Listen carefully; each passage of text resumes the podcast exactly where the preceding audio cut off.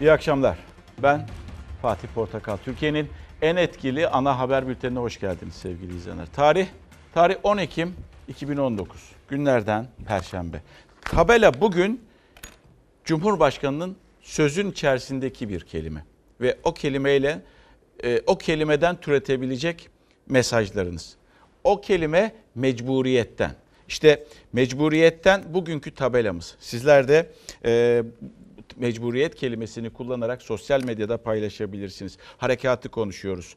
E, Barış Pınarı harekatını konuşuyoruz. Bundan sonra epey konuşacağız bu harekatı. Bakın dün de söylediğim gibi bir günle, iki günle, üç günle ölçmemek gerekiyor. Uzun soluklu bir harekattan bahsediyoruz. Yani sabırlı olmak gerekiyor. Gerek devlet olarak, gerek yönetenler olarak, gerek biz yurttaşlar olarak. Birazdan, birazdan sizleri iki önemli adrese götüreceğim. Onlardan biri Öznur Aslan Ceylanpınar'da günlerdir orada kendisi biliyorsunuz. O yaşadıklarını anlatacak ee, ve yaşadıklarını anlatırken tabii ki oradaki e, sivil halkın da e, durumuna değinecek. Ve diğer taraftan Engin Yılmaz Ankara'da. Ankara'da da önümüzdeki günlerde haber müdürümüz kendisi önümüzdeki günlerde e, Amerika Birleşik Devletleri yönetimiyle yine bir sıkıntı yaşanabilir mi sorusunu soracağım ona. Çünkü e, yaptırım uygulamaya hazırlanıyorlar. Lindsey Graham diye bir kişi var orada senatör ve e, hazırladığı bir başka demokrat e, senatörle birlikte hazırladığı o taslağı sunuyor. Evet Türk düşmanlığı diyorsanız gerçekten de Türk düşmanlığı ama bunu Başkan Trump'tan habersiz yaptığını da hiç düşünmüyorum açıkçası. Birazdan o detaylara gireceğiz. İki önemli adreste Öznur ve Engin bizi bekliyor olacaklar. Tabi harekatta bugün Barış Pınarı Harekatı'nda bugün ikinci günü yaşıyoruz sevgili izleyenler. İkinci günü yaşarken tabii ki terörist bu. Teröristin kimi vurduğu hiç önemli değil. Yani hedefinde güvenlik güçleri de olabilir, hedefinde siviller de olabilir. Kalleşçe yaptığı e, ateşlediği e, o havan mermileri maalesef sınırımızdaki bazı noktaları vuruyor. Çünkü terörist bu. Onda bir hedef gözetmiyor. Nereye atarsa atabilir. Kansızlığından bahsediyorum o kişilerin. İşte biri bebek.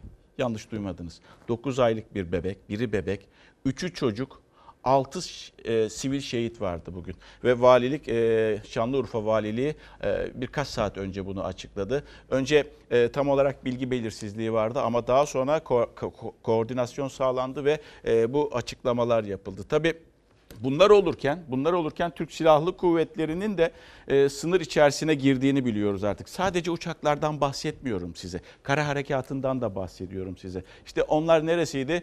Akçakale, Akçakale'nin hemen karşısındaki e, Fander, Elyapse, Müşeyre, Talabyat, bir aşık, Dedat ve Tabatin köyleri. Yani dikkat ederseniz şu hat birleştiğinde zaten burada bir kısa da olsa mesafe olarak bir güvenli bölge oluşturuluyor. Sadece Akçakale'de değil yine Türk Silahlı Kuvvetleri'nden paylaşılan, Savunma Bakanlığı'ndan paylaşılan bilgiyle birlikte e, Rasulayn'da da ki Ceylan Pınarı'nın hemen karşısında bulunuyor biliyorsunuz. Burada da önemli stratejik olarak adledilen köyler ele geçirildi. Tel Halef, Kişto, Rasulayn ve Alluk köyleri.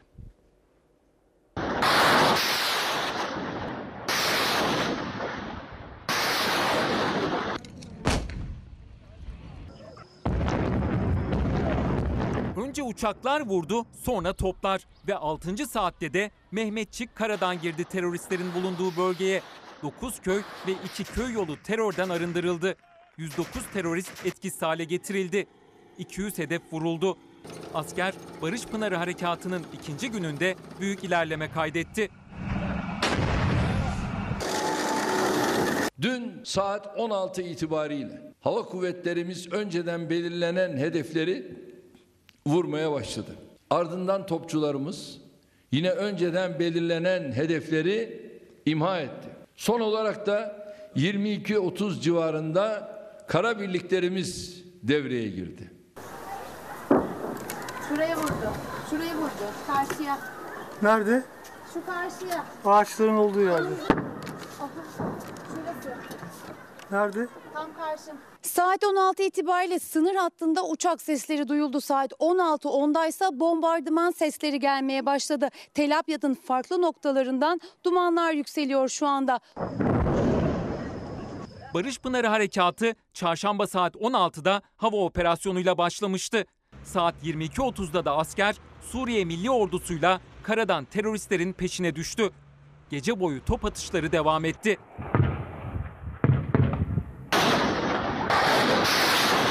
Tel Abyad ve Rasulayn çevresi teröristlerden arındırıldı. Uçaklar 30 kilometre derinliğindeki alanlarda teröristlere ait barınak, sığınak ve mevzileri vurdu.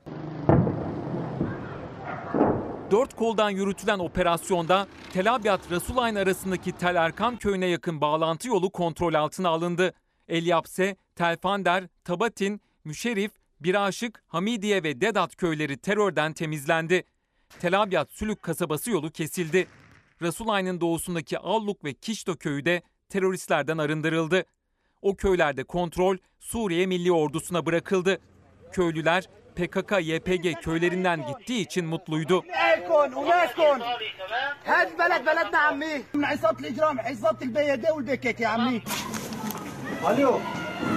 Türkiye sınırına birçok havan topu saldırısının yapıldığı bir noktada Mardin Nusaybin ile Kamışlı sınırında teröristlere ait iki tünel bulundu. Güvenlik önlemleri artırıldı. Harekatın ikinci gününde 109 terörist etkisiz hale getirildi. 109 terörist öldürüldü. Tabii 109'un dışında yaralılar falan da var. Ayrıca teslim olanlar var. Operasyonlar devam ediyor. Alevlerin yükseldiği yer PKK kontrolündeki Tel Abyad'ın doğusu Akçakale'den yankılanan tank ve topların hedefindeki adres işte orası. Operasyon başladığı andan beri vuruluyor ve vurulmaya da devam edilecek. Teröristlerin yoğun ateş altına alındığı noktalardan biri de Suriye'nin Eşme köyünde bulunan Süleyman Şah Türbesi'nin çevresi. Türbenin etrafında teröristlerin bulunduğu hedefler obüslerle vuruldu. Obüs ve P-16 ateşlerinden sonra teröristler sınır hattından beldelere kaçtı. Silahlarını bıraktılar. Bundan sonra harekat meskun mahallerde olacak. Türk Silahlı Kuvvetleri silahlı insansız hava araçlarıyla nokta atışlar yapıyor. Karadan da keskin nişancılar, tank savarlar, zırhlı araçlar adım adım ilerliyor. Bir kez daha söyleyeyim. Ee, Cumhurbaşkanı Recep Tayyip Erdoğan amacımız terör devleti kurulmasını engellemek dedi. Bunu e, defalarca gerek Cumhurbaşkanı gerek Dışişleri Bakanlığı yineliyor. Bunun tabi sahada şu anda Türk askeri var. İşte Özgür Suriye Ordusu veya yeni ismiyle Suriye Milli Ordusu. Ee, bunu dış dünyaya dünyaya anlatmak gerekiyor. Yani diğer ülkelere bunu anlatmak gerekiyor.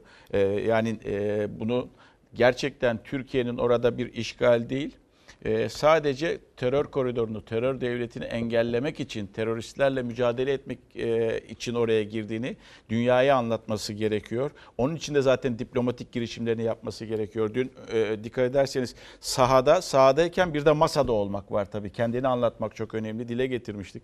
İşte diplomasi, iletişim, bilgilendirme, e, kara propagandaya karşı bunlar çok çok önemli. Çünkü şimdiden başladılar kara pro- propagandaya birazdan gelecek. Şu haritayı netleştirebilmek için demin ilçelerin karşısındaki köyleri vermiştim sizlere ve haritayı netleştireyim. Neden ne anlama geliyor? İşte bakın e, dün hava harekatıyla başlamıştı. Akçakale ve Rasulayn'dan bahsediyoruz. Şöyle bir çem, e, hat yapmaya çalışıyor öncelikle. E, bir hilal yapmaya çalışıyor anladığımız kadarıyla. Çünkü buradaki köylerin bazıları alındı, büyük bir e, kısmı alındı. Burada da bir kısmı alındı. E, bir güvenli bölge, bir tampon bölge oluşturmaya çalışıyor anladığımız kadarıyla. Sabah işte e, dün Cumhurbaşkanı açıklamasıyla hava harekatının başladığını öğrendik ve uçaklar işte geldiler önce e, terörist unsurları bombaladılar. Sonra da saat 22.30'da saat 22.30'da ki bunu da Cumhurbaşkanı açıkladı ki hiç beklenmedik bir anda belki de önümüzdeki birkaç gün içerisinde olacağını düşünüyordu birçok kimse. Biz de dahil olmak üzere kara harekatı başladı.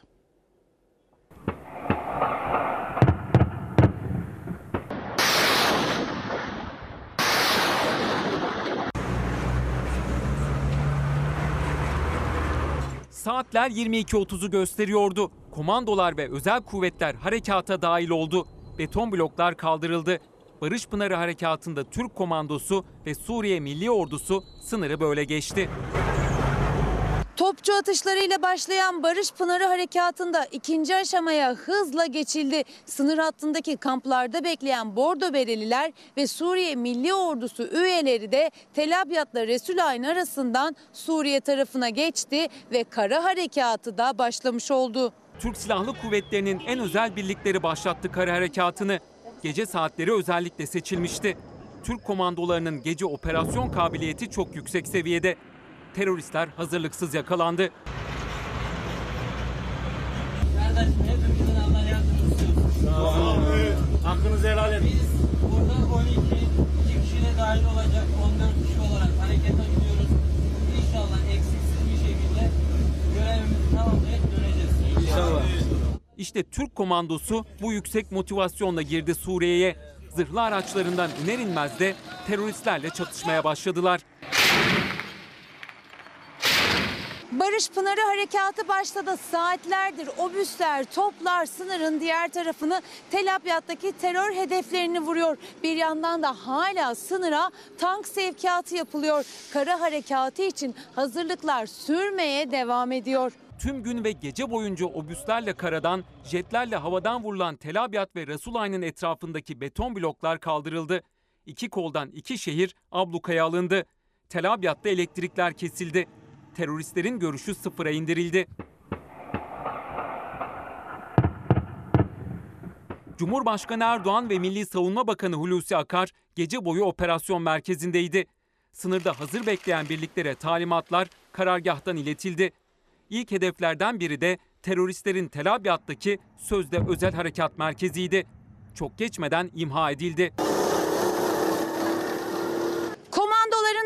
Ardından Suriye Milli Ordusu yani Özgür Suriye Ordusu da sınırı geçmek üzere Ceylanpınar Resulayn hattında şu anda bir uçak savar var aracın üstünde ve sınıra doğru ilerliyorlar. Burası Ceylanpınar Kara Harekatı için hareketlilik hiç ama hiç dinmiyor şu anda. Özgür Suriye Ordusu güçleri sınır hattı üzerindeler ve kaldırılan beton bloğun bulunduğu noktadan Suriye tarafına geçecekler. Orası Resulayn. İnşallah bize karşı gelenlere bütün Türkiye bizden barbar olduğu sürece inşallah kimseyi yamaçta bırakmayacağız. Şimdi istikametiniz neresi?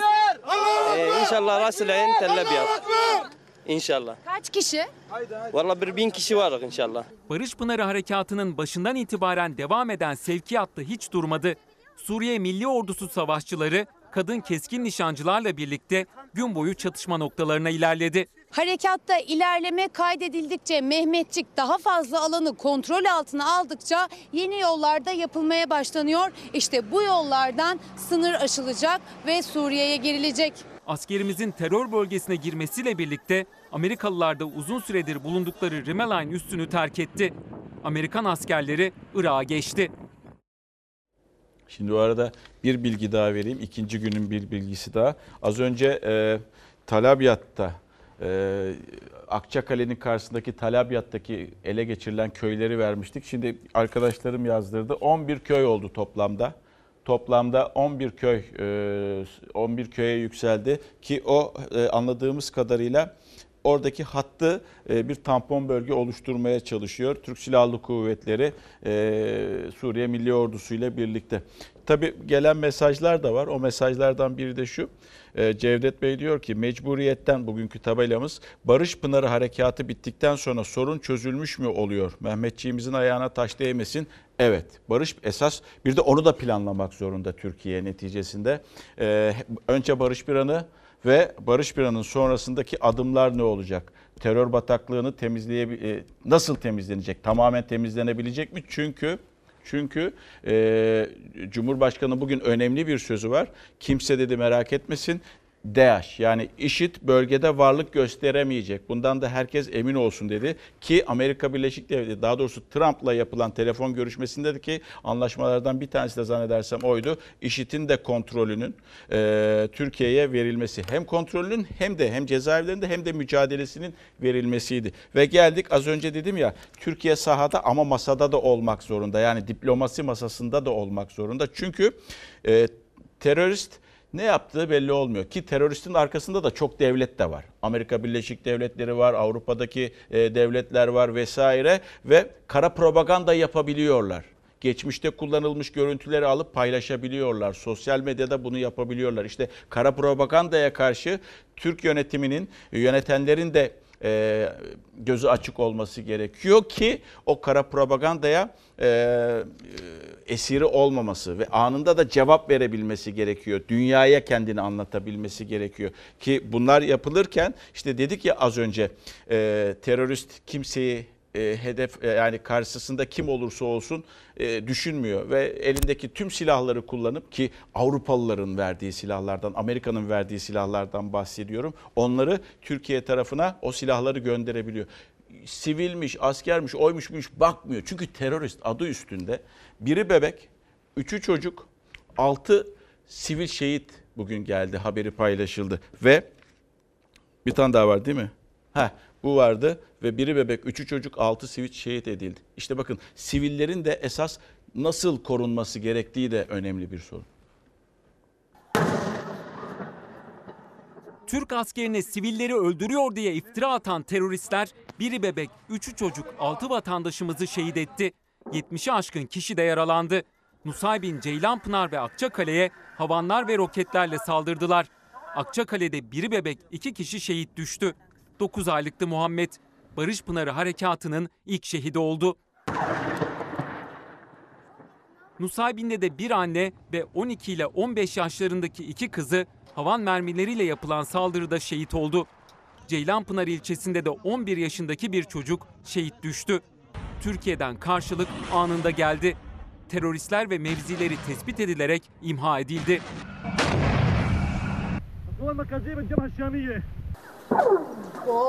Bir şey kana satıyorlar arkadaşlar. Yok. Evet. Keskin nişancı.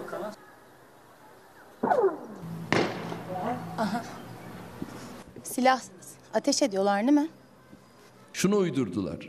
Hristiyan Suriye vatandaşlarının yaşandığı, yaşadığı bir bölgeye önce roket atıp ardından Türkiye sivilleri bombalıyor diye ortalığı ayağa kaldırmaya kalktılar. Lan bombayı atan sizsiniz. Füzeleri atan sizsiniz. Terbiyesiz herifler. Çok yakından vurdu. On karşısı şurası şurası önümüz önümüz. Barış Pınarı Harekatı'nın başlamasıyla teröristler de sivilleri vurdular yalanına sığındı. Cumhurbaşkanı Erdoğan'dan o iftiralara sert yanıt gecikmedi. Gün boyu o sözleri destekleyen görüntüler de geldi bölgeden. Teröristler sivillerin arasına sızıp onları canlı kalkan yapmaya çalıştı. Askerimizin karşısına çıkacak yüreği olmayanlar boş buldukları yerlerde sivillere saldırarak gerçek yüzlerini ortaya koyuyorlar. Ya çocuk katili sizsiniz. Kadınlara saldıran onların katili sizsiniz.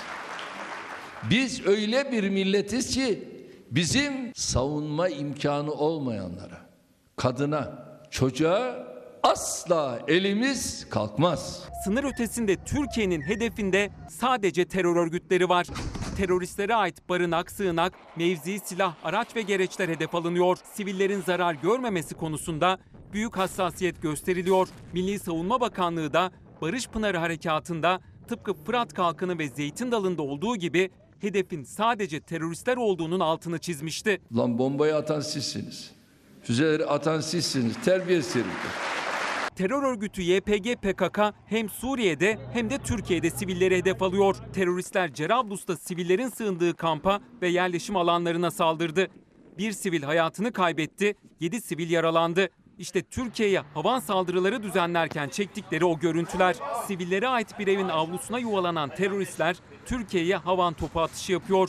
Milli Savunma Bakanlığı da teröristlerin halkın kullandığı bina, okul ve hastanelere gizlenerek Türkiye'deki sivil yerleşim yerlerine havan ve roketlerle saldırdığını duyurdu.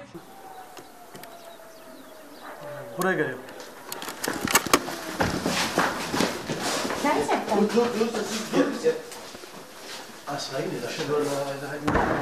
Aha yakına düştü. Şu anda Akçakale'den siren sesleri ve araçlardan yapılan anonsları duyuyoruz. Sivillere evlere girmeleri ve araçların da sınıra yakın noktadan özellikle sınıra yakın caddelerden arka taraflara geçmeleri isteniyor. Harekatı bekleyen araçlarıyla sınıra yakın noktalara gelen insanlar vardı. İşte onların dikkat dikkat değil sakın şu küçük kızı içeriye gönder. Ateş ediyorlar. Aa, baya baya ateş geliyor. Haberciler de tehlike altında görevdeler. İhlas Haber Ajansı muhabiri Şinasi İnan, şarapnel parçasının gözüne isabet etmesiyle yaralandı. Keskin nişancı teröristlerin silahından çıkan mermi de Fox Haber ekibinin hemen yanından geçti. Ercan abi kalkma. Eğil eğil eğil hızlı eğil. Bu, bu uçaktı işte. Nereye vurdu? Tam karşımızda büyük bir gürültü duyuldu. Korkuyoruz. Çocuklarım hepsi korkuyor. Onun için gidiyoruz.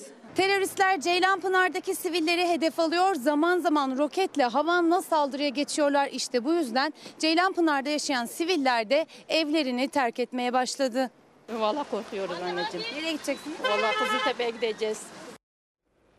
Ee, bu arada işte gazetecilerin de habercilerin de aslında ne kadar e, görevlerinin bu gibi haberlerde veya bu gibi ortamlarda görevlerinin ne kadar tehlikeli olduğunu Şinasi'nin Şinasi İnan'ın başına gelenlerle anlayabiliyoruz. Geçmiş olsun diyelim kendilerine. Tabii Öznur da şimdi karşımızda.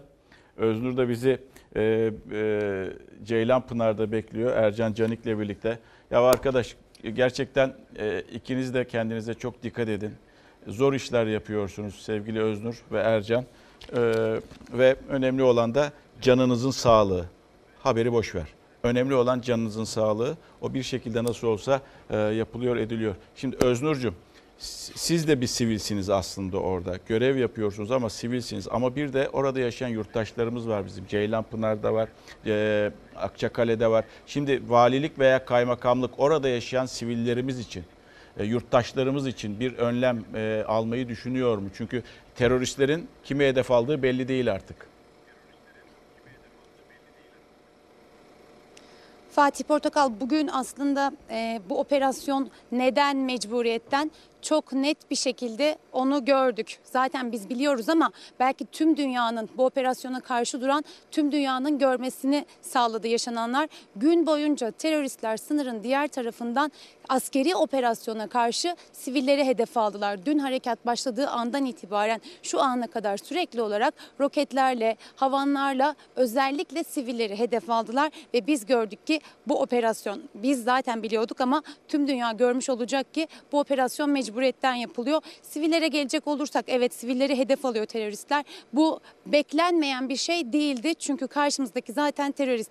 Ee, ama ailelerle görüştüğümüzde özellikle evlerini terk edenlerle ve hala evlerinde duranlarla görüştüğümüzde şunu öğrendik. İnsanlar po- polisler gitmişler kapıları çalmışlar ve insanlara buranın riskli olacağını ve terk etmeleri gerektiğini söylemişler. Varsa yakınlarının evine yoksa kendilerine bildirilmeleri halinde yerleştirilebilecekleri adresler olduğunu belirtmişler. Ancak bazı siviller evlerini terk etme ihtiyacı operasyon başladığı ana kadar hissetmemişler. Ta ki terör saldırıları teröristlerin sivillere yönelik saldırıları başlayana kadar bu saldırılarla beraber yavaş yavaş buldukları fırsatlarla araçlarını alıp e, şehri terk etmeye başladılar. Ama belki bu yönde valiliğin, kaymakamlığın e, özellikle kritik ilçelerdeki kaymakamlıkların daha kapsamlı bir tedbir, daha genel bir yasak ortaya çıkarması gerekebilir. Bu yasakla beraber yani insanların inisiyatifine kalmadan Evet. buradan çıkmanız gerekiyor. Burası tehlikeli demek Doğru. yerine buradan kesinlikle çıkacaksınız demeleri gerekiyordu. Doğru. Şimdi artık insanlar çıkmaya başladılar. Valiliğin bu yönde yeni bir tedbiri olacak mı? Bu konuda henüz Peki. bir açıklama yok Peki. ama siviller zaten artık tehlikeyi gördüler hatta yaşadılar. Peki. Yavaş yavaş da çekilmeye başlıyorlar Peki. Fatih Portakal. Ee, Öznur peki şu anda durum nasıl orada? Yani akşam e, neticede Ceylanpınar'da veya Akçakale'den haber alabiliyorsanız e, uçaklar veya herhangi bir obüs sesi vesaire devam ediyor mu bir şeyler? Duyabildiğiniz kadarıyla. Evet devam ediyor. Saat 18-20-25 civarındaydı. Uçak sesi duymaya başladık. Ee, Sol taraf benim sol tarafımda e, Resulayn, Resulayn tarafını vurmaya başladı uçaklar. Çok yüksek alevler çıktı. Alevlerin yüksekliğinden vuran uçak mı, top mu, obüs mü anlayabiliyoruz. Kesinlikle bir uçak e, bombardımanıydı. Onu görebildik ve patlamanın şiddetinden de anladığımız kadarıyla bir mühimmat deposuydu. E, yaklaşık 10 dakika önce siz ikinci habere pas atarken sağ tarafımdan da bir önce bir alev yükseldi yükseldi. Ardından da dumanlar yükseldi. Oraya da yine belli ki bir uçak bombardımanı yapıldı. Türkiye gün boyu bu, e, karşı tarafı bombaladı. Obüsler gün boyu atış yaptı. Bunlar özellikle havanların, roketlerin atıldığı yerlerde koordinatları belirlendi ve Evet, belirlenen peki. koordinatlara net nokta atışlar yapıldı. Peki. Ve bu bütün bunlar olurken Fatih Portakal hemen düne yönelik çok kısa bir şey söylemek istiyorum. Ee, harekat başlarken özellikle vurulan hedefler bir yıl öncesinden itibaren toplanan istihbaratla vuruldu. Bu şu demek oluyor. Türkiye siviller için çok ciddi çalıştı. Sivilleri hassasiyetini çok ciddi gözetti ve bir yıl boyunca terörist hedeflerinden emin oldu Peki. ve harekatın düğmesine bastığında da Peki. doğrudan teröristleri hedef aldı. Peki. Ee, teşekkürler Özgür. Özgür e, bir bilgi paylaştı. E, dün itibariyle başlayan operasyonda aslında istihbarat bilgilerinin bir yıl öncesinden toplanmaya başladığı ve onların değerlendirildiği, o değerlendirmenin sonrasında da e, bu e, hava harekatıyla başladığı kara operasyonuyla da devam ettiğini e, Öznur Aslan bize anlattı. Teşekkür ederim Öznur'a ve Ercan Cani'ye. Zor iş yapıyorlar. Ve e, şimdi bakınız e, Suriye rejimi o da bir hamle geliştiriyor. Esad rejiminden bahsediyorum. O da bir manevra yapıyor. Ve günlerdir daha doğrusu 3 gündür e, PYD YPG'ye sesleniyor. Çünkü önce zarfı teröristler attı. E, biz dedi konuşabiliriz e, rejimle dedi, Esad'la dedi. Yine bugün açıklamaları var. E, evlatları kucaklamaya hazırız diyor. Evlatları kucaklamaya hazırız diyor. Ee, Esad e, rejimi e, PYD YPG'yi kastediyor burada ve Türkiye'yi de yine işgalci olarak nitelendiriyor. BM'ye şikayet edeceğini de bir kez daha yineledi. Tabii önemli isimler arkadakiler. Burada e, şu anda e, Rus lider Putin iki ülke arasında teması sağlayan ülkenin lideri bir şekilde diyalog kurdurmaya çalışıyor ki sözlerinde de zaten var. Biz Türkiye ile e, Türkiye ile e, Suriye arasında e, diyalog kurduracağız ki bunu Cumhurbaşkanı da söylüyor. İşte o söz. Rejimle yani Esad yönetimiyle Rusya üzerinden görüşüyoruz. Barış Pınarı harekatını başlattık. Amacı Suriye'nin toprak bütünlüğüne ve siyasi birliğine katkıda bulunmaktır. Bizim bu sınır ötesi harekatımızın altında güneyimizde bir terör devleti kurulmasını engellemek var. Biz oradaki Kürt kardeşlerimizle değil, terör örgütüyle şu anda mücadele ediyoruz. Harekatın emrini Beştepe'den verdi, mesajlarını AK Parti'den. Cumhurbaşkanı Erdoğan Suriye'ye huzur ve barış götürüyoruz dedi. Harekatın genişleyeceğinin de altını çizerek. Diğer bölgelerle ilgili çalışmalarımız sürüyor. Oralarda da Türkiye'nin gücünü göstereceğiz. Daha önceki harekatlarımızda ne yaptıysak burada da onu yapacağız. Gittiğimiz yerlere barışı, huzuru, güvenliği, esenliği getireceğiz.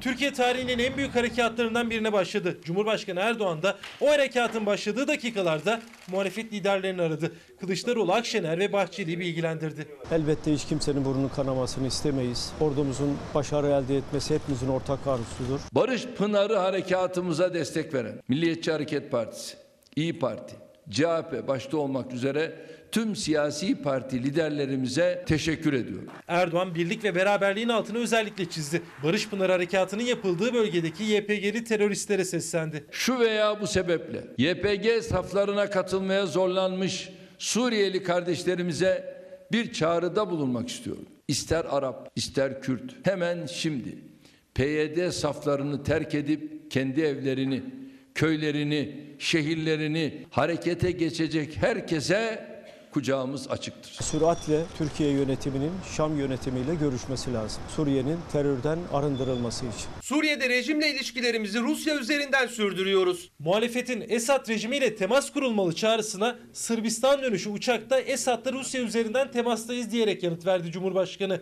Yani resmi bir görüşme yapılmayacağını söyledi. Yeni günde de rejime hedef aldı. Bir milyona yakın insanı Beşar Esed öldürdü. Kendi halkını öldüren katleden bir insanla karşı karşıyayız. Türkiye ile Suriye arasında diyalog başlatmaya çalışacağız. Bunun iki tarafında çıkarını olduğunu öngörmek için dayanaklarımız var. Rusya Dışişleri Bakanı Sergey Lavrov da Ankara Şam arasında diyalog kurulması iki ülkenin çıkarını açıklaması yaptı. Hükümet adına Esad'la son temas kuran eski Başbakan Ahmet Davutoğlu da dikkat çekici bir açıklama yaptı. Suriye barışı ile ilgili yapılacak, atılacak adımlar konusunda da bütün taraflarla belli bir mutabakat ve bir vizyon çerçevesinde görüşülmesi söz konusu olmalıdır. Şimdi Ahmet Davutoğlu'nun o sözünü unutmayın. O sözü birazdan ekrana yazılı olarak getireceğiz. Belki kelime kelime üstünde gideceğiz. Ama bu söz de önemli. Rejimle Rusya üzerinden görüşüyoruz. Görüşülmemesi zaten mümkün değil. Görüşülmemesi mümkün değil. Görüşülmese Rusya'da e, Rusya bu operasyona izin vermeyecek. Rusya şu anda ara bulmaya çalışıyor. Diyalog kurdurmaya çalışıyor. İran zaten aynı şekilde E, ve işte rejimle Rusya üzerinden görüşemiyoruz sözü aslında görüşüyoruz ama ben görüşmem Esad'la anlamında. Hani var ya o şarkı bir yemin ettim dönemiyorum diye. Ama işte tüm bunların öncesine gidecek olursak 2011'ler 2012'lere e, komşularımızla sıfır politikası, komşularımızla sıfır sorun politikasını geliştiren böyle bir felsefe aslında özünde iyi ancak uygulamalara baktığımızda tüm komşularla aslında kötü olduğumuz bir olaydan bahsediyoruz ve onun mimarlarından biri de dönemin Dışişleri Bakanı Ahmet Davutoğlu'ydu sevgili izleyenler. Şimdi Ahmet Bey çıkmış yeni de bir parti kuracak biliyorsunuz önümüzdeki günlerde bu cümleyi söylüyor bakın. Suriye politikasını belirleyen isimlerden biri ve ona yol açan isim de tabii ki kabinenin başındaki isim o zaman Başbakan Erdoğan ve bugün Ahmet Davutoğlu çıkıyor şu cümleyi kuruyor. Bütün taraflarla belli bir mutabakat ve vizyon çerçevesinde görüşülmesi bütün taraflar derken tabii ki Suriye rejimini de kastediyor doğal olarak. Orada diyemiyor çünkü Esad dese yüzü kızaracak Ahmet Bey'in orada. Bütün taraflarla belli bir mutabakat ve vizyon çerçevesinde görüşülmesi söz konusu olmalıdır. Sayın Davutoğlu, bu çukura bizi siz soktunuz. Sizin politikalarınız soktu. Stratejik derinlik dediniz, komşularla sıfır sorunu dedin, dediniz ve geldiğimiz nokta bu. Sizin politikalarınızla biz bu noktaya geldik şu anda. Nereden nereye? Ve burnumuzun dibinde terör örgütleri var. Fırat'ın doğusunda da var. E, Fırat'ın batısında da var. İdlib'de de var. Hep sizlerin e, geliştirdiği politikalarla ve hayallerinizle, hayallerinizle bakın. Hayallerinizle ve politikalarınızla bizler buraya geldik. İşte geldiğimiz nokta sevgili izleyenler bu. Ve Türkiye Büyük Millet Meclisi'nde ne oluyor? Türkiye Büyük Millet Meclisi'nde bu sefer HDP'liler çıktı. İşte meclisin çatısı altında konuşuluyor, ediliyor. Onlardan biri de Murat Çepni, HDP İzmir Milletvekili. Türk askerinin Suriye'de sınır ötesi bu harekatı yapması gereken bu harekatı işgal dedi. Ya burnumuzun dibinde adamlar teröristler yapmadıklarını bırakmıyorlar ve işte Murat Çepni HDP İzmir milletvekili ki Amerika'ya işgalci demiyor ki Rusya'ya işgalci demiyor. Türkiye'nin sınırını koruması, sizi Murat Bey sizi koruması, beni korumam ve beni koruması, çocuklarımızı koruması, ailelerimizi korumasına işgal olarak cevap veriyor. Ve meclis buna ortak tepki verdi. Meclisin çatısı altında bulunan partiler. İktidar Partisi, ana muhalefet partisi, İyi Parti hepsi ortak tepki verdiler. Siz ne diyorsunuz? Bunu nasıl kabul edebilirsiniz diye konuştular. Cumhurbaşkanı da bugün tepki verdi. O da ahlaksızlığın, edepsizliğin daniskası dedi. Terör örgütünün desteği ile parlamentoya girmiş olan sözde siyasi partiye sesleniyorum. Benim ordumu işgal gücü olarak gösteremezsin. Bu ahlaksızlığın daniskasıdır.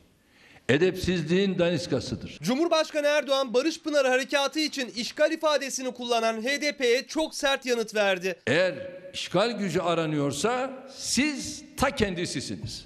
Bulunduğunuz yerlerde işgal kuvvetleri olarak binaları kendi içinden tünellerle açmak suretiyle oralarda adeta sorgulanma hücreleri kuracak kadar alçaksınız. Barış Pınar Harekatı'ndan bir gün önce mecliste sınır ötesi harekata izin veren tezkere kabul edildi. AK Parti, CHP, MHP ve İyi Parti oylarıyla HDP hayır dedi. Barış Pınar Harekatı başladıktan sonra da Meclis Genel Kurulu'nda HDP'nin çıkışı tansiyonu yükseltti. HDP harekat için işgal dedi. Bu işgalin hiçbir hukuki gerekçesi yoktur. Bu operasyona işgal kuvvetlerinin hareketi diyemezsiniz. Kürt kardeşlerimizi de PKK'nın, PYD'nin zulmünden kurtaracaktır. Bir tane dahi Mehmetçiğimiz eğer can güvenliğiyle ilgili tek bir tehlike varsa bırakın ordumuzu biz kendimiz Cumhuriyet Halk Partisi olarak orada oluruz. AK Parti, CHP, MHP, İyi Parti ortak tepki gösterdi. Yeni günde HDP milletvekillerinin mecliste tansiyonu yükselten açıklamaları Cumhurbaşkanı Erdoğan'ın da gündemindeydi. Onlar zaten gözleri var görmez. Öyle veya böyle göstereceğiz. Biz Kürtlere karşıymışız. Terbiyesizlik yapmayın. Şu anda sadece Kobani'den bizim ülkemize gelen 300 bin Kürt hala bizim ülkemizde evet misafirimiz olarak yaşamaktadır. Cumhurbaşkanı harekatın hedefinin sadece terör örgütü mensupları olduğunun altını kalın kalın çizdi. Kürt kardeşlerimizle sorunumuz yok derken AK Parti grubundan da örnek verdi. 291 milletvekilimizin 50 tanesi Kürt kökenlidir. En sonunda bize bunu söyletmeye mecbur bıraktılar. Ankara Cumhuriyet Başsavcılığı da aralarında eş genel başkanlar Sezai Temelli ve Pervin Buldan'ın da bulunduğu 5 HDP milletvekili hakkında Barış Pınar Harekatı'na ilişkin sözleri nedeniyle terör örgütü propagandası yapma suçlamasıyla soruşturma başlattı. Murat Bey bunu işgal olarak nitelendiriyor. Peki Sayın Murat Bey, Murat Çepni bugün 9 aylık bir bebek. 3 çocuk to- toplamda da 6 yurttaşımız hayatını kaybetti. Teröristlerin attığı o silahlardan, roketlerden dolayı, havanlardan dolayı. Buna ne diyorsunuz? Ne diyeceksiniz buna?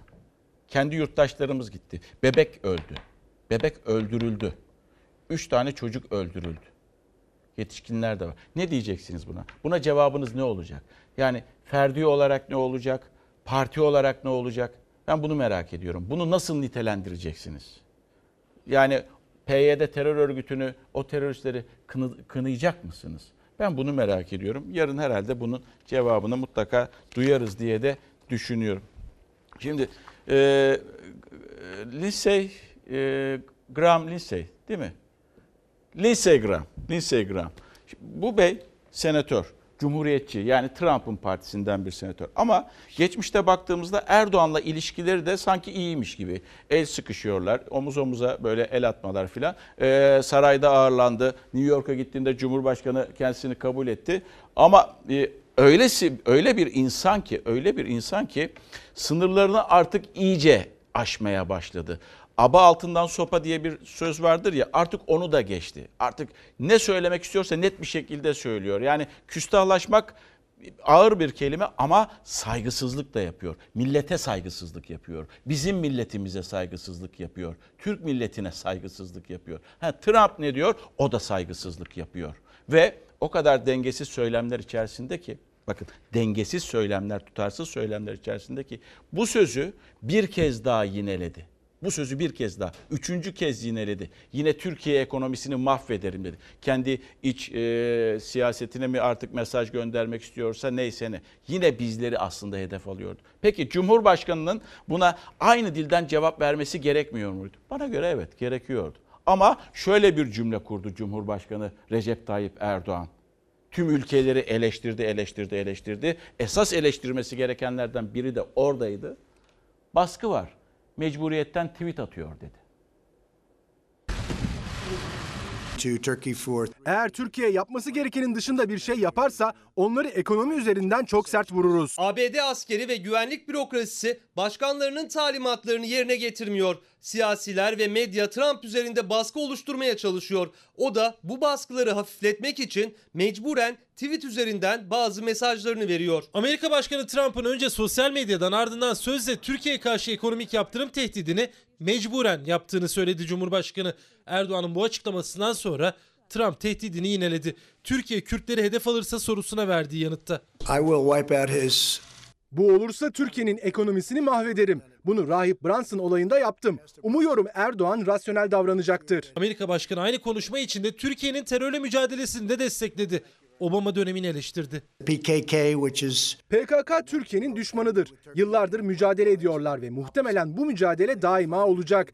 Başkan Obama'nın PKK ile anlaşma yapması büyük hataydı. Erdoğan'a ağır bir bedel ödetmek için kongrede verilecek çabalara öncülük edeceğim. Bu beyefendi dürüst bir insan değil. Kendisine PYD, YPG'ye karşı verdiğimiz mücadelenin ne olduğunu anlattım. Bunların terör örgütü olduğu, Kürtlerle alakası olmadığına ilişkin sözler söyledi. Şimdi ise garip garip açıklamalar yaptı. Cumhurbaşkanı Erdoğan Trump'ın tehdidine değil ama Cumhuriyetçi Senatör Lindsey Graham'ın yaptırım açıklamalarına öfkeli. Çünkü Graham Barış Pınar Harekatı sonrası Türkiye'ye ağır yaptırımlar içeren taslağı imza attı. arm of the YPG. YPG PKK'nın politik koludur. PKK ile bağlantısı var. Kanıtlar çok açık ve net. Görmek isteyen için bu çok açıktır. Trump'a yakınlığıyla bilinen Senatör Lindsey Graham 18 Ocak'ta Ankara ziyaretinden bir gün sonra kurdu bu cümleleri. Cumhurbaşkanı Erdoğan'la görüşmesi sonrası. Hatta Erdoğan'la birlikte Fazıl Say konserine de katılmıştı. Ancak bugün Türkiye'nin karşısında terör örgütünün safında. Erdoğan iki hafta önce Amerika'da Graham'le yaptığı görüşmenin detayını da anlattı. Yanımda tutuyor Sayın Trump arıyor. Trump o esnada uçakta. Biz uçakta Sayın Trump'la konuştuk. Bugün döneceğim. Yarın görüşeceğiz dedi. Daha sonra Sayın Trump'la görüşmelerimizi yapıyoruz. Trump açıklamaları yaptıktan sonra Lindsey bu açıklamaları yapıyor. Yenilir yutulur değil. Ben zaten Erdoğan'a gerekirse yaptırımlardan daha da öteye geçebileceğimi söyledim. Sanırım Lindsey Suriye'de 200 yıl daha durmak istiyor ama ben bu konuda hemfikir değilim. Amerika Başkanı da yaptırım tehdidini yineleyerek senatörle aynı düşüncede olmadığını söyledi. Ancak Cumhuriyetçi senatörün de imza attığı yaptırım taslağı kongreye sunulacak. 8 maddelik taslakta Cumhurbaşkanı ile bazı bakanların Amerika'daki olası mal varlıklarına el konulması isteniyor. Türkiye'ye silah ve askeri malzeme satan ülke ve şirketlere yaptırım uygulanması, Amerika'nın Türkiye'den askeri malzeme alımının yasaklanması, S-400 alımından dolayı katsa yaptırımlarının devreye girmesi ve Cumhurbaşkanı Erdoğan dahil hükümet yetkililerine vize kısıtlaması istenilen yaptırımlar. Bakın e, birazdan Engin'le bunu konuşacağız ama Lindsey Graham'ın bunu Trump yönetiminden, Trump'tan habersiz yaptığını mı düşünüyorsunuz? Hayır. Dünkü açıklamalara bakarsanız aslında bir iyi polis kötü polisi oynuyorlar gibi. Şimdi Engin Yılmaz karşımda e, Ankara Haber Müdürü. Engin e, bu olay Ankara'da nasıl karşılandı? Bir vize kısıtlaması, iki mal varlıklarının, e, kimi isimlerin mal varlıklarının dondurulması, el konulması gibi. Ankara ne diyor buna? Yarın çünkü bunu tartışacağız biz. Ankara'dan bir yanıt yok aslında. Yani Cumhurbaşkanı Erdoğan'ın Sırbistan dönüşü uçakta yaptığı açıklamaları e, saymazsak, Lindsey Graham'a da, e, dair dürüst bir insan e, cümlesini saymazsak bu yaptırım taslağına ilişkin bir açıklama yok. Şöyle ki şimdi bu taslak e, sunulacak önce komisyondan geçmesi gerekiyor ardından Temsilciler Meclisi, Senato ve Trump'ın önüne gelecek imza için. Trump imzalayacak mı, imzalamayacak mı, imzalamazsa bir daha kongreye gidecek. Yani e, uzun bir aşama ve Ankara şu an zaten sadece harekata odaklı. Barış Pınarı harekatına odaklı ve Trump'ın açıklamalarına odaklı. Yani Trump'ın da tehditleri söz konusu ama onun da biraz e, ona da tepki yöneltmiyor Ankara. Yani biraz aslında Washington'da tansiyonu yüksek tutmak istemiyor. Harekata odaklı olarak ikili ilişkileri bir de Trump'la Erdoğan'ın yapacağı 13 Kasım'daki görüşme var Fatih Portakal. O da çok kritik önemli. Yani 13 Kasım'a kadar e, tansiyonu yükseltecek açıklamalardan biraz geri durmak Tansiyonu istiyor yükselten Ankara. bak E, bunu tansiyonu anlıyoruz. Engin'cim tansiyonu yükselten devamlı Amerika Birleşik Devletleri yönetimi değil midir Allah aşkına? Yani bir taraftan Trump, diğer taraftan Lindsey Graham gibi kişilerin söyledikleri sözler daha doğrusu tansiyonu müttefikliğe, stratejik ortaklığa uymayacak sözleri kurmuyorlar mı? Ve biz sadece bizi yönetenler sadece mecburiyetten kelimesini kullanıyorlar. Milletin de bir onuru var ya. Çünkü Trump bu açıklamaları yaptığı günden bu yana aslında e, haberimize girerken sen 3 dedin ama biraz önce Trump bir tweet daha attı. Orada dördüncü kez tehdidini yineledi. Eğer Türkiye kurallara göre oynamazsa, kurallara uymazsa yine ekonomik yaptırım uygularız tehdidinde bulundu. Yine Twitter'dan dördüncü kez. Yani aslında Ankara en başından beri şu yorumu yapıyor. E, Trump'ın e, açıklamaları içeriye dönük. Şimdi bir azil süreci var. 2020'de e, Amerika seçimleri var. E, Trump bir yandan... E, diplomatik olarak Türkiye ile ilişkiler kurmaya çalışıyor. İşte e, bu harekata izin vererek ya da bir şekilde yol açarak ama bir yandan da seçimleri ve aziz sürecini düşünerek içeriye de mesajlar veriyor. Ankara'dan bugüne kadar yapılan yorumlar en azından böyle ama tabii bu yorumlar arttıkça devam ettikçe Evet. Ankara'nın da dozajının artmasını bekliyoruz aslında. Doğal olarak bir şekilde yani gerekiyor. Cumhurbaşkanı Er- doğal olarak artması gerekiyor ama işte altını çizmek gerekiyor. 13 Peki. Kasım'daki o Trump Peki. görüşmesine Erdoğan iki lider arasında bir münakaşayla mı gidecek yoksa tansiyonu Peki. böyle düşük tutarak mı göreceğiz. Peki. Peki. Çok teşekkür ediyorum Engin Yılmaz, Ankara Haber Müdürü sevgili izleyenler. Tabii ki diyeceksiniz ki ya diplomasi işleyecek, diplomati, diplomasi işlettirmek zorunda ama karşı taraf diplomatik davranmıyor. Karşı taraf devamlı bir tehdit ve hakaret içerisinde ama Cumhurbaşkanı sadece Amerika liderine mecburiyetten tweet atıyor derken diğer taraftan ey Suriye diyor. Ey Mısır dedi bugün. Ey e, Suudi Arabistan dedi. Ey Avrupa ülkeleri dedi. E, ey NATO dedi. Ey yoktu ama NATO'yu da eleştirdi. Hepsini eleştirdi. E, ve e, gerekirse dedi Suriyelileri bırakırız, sınırlarımızı açarız. Siz onlarla baş edersiniz dedi. Ama Amerika'ya tek bir laf bile yoktu yönetimine. Sadece mecburiyetten. Bakın mecburiyetten dediği günün sadece birkaç saat sonrasında da bu taslak senatoya sunuldu ve olacakları da zaten hep birlikte 13'üne kadar 13 Kasım'a kadar da hep birlikte göreceğiz. Reklam kapatıyoruz sevgili izleyenler. Bizden hemen sonra Mucize Doktor yeni bölümüyle ekranlara gelecek. İzleyebilirsiniz. Yarın daha mutlu, daha huzurlu, daha güvenli bir dünya ve tabii ki Türkiye'de buluşmak umuduyla. Hoşçakalın.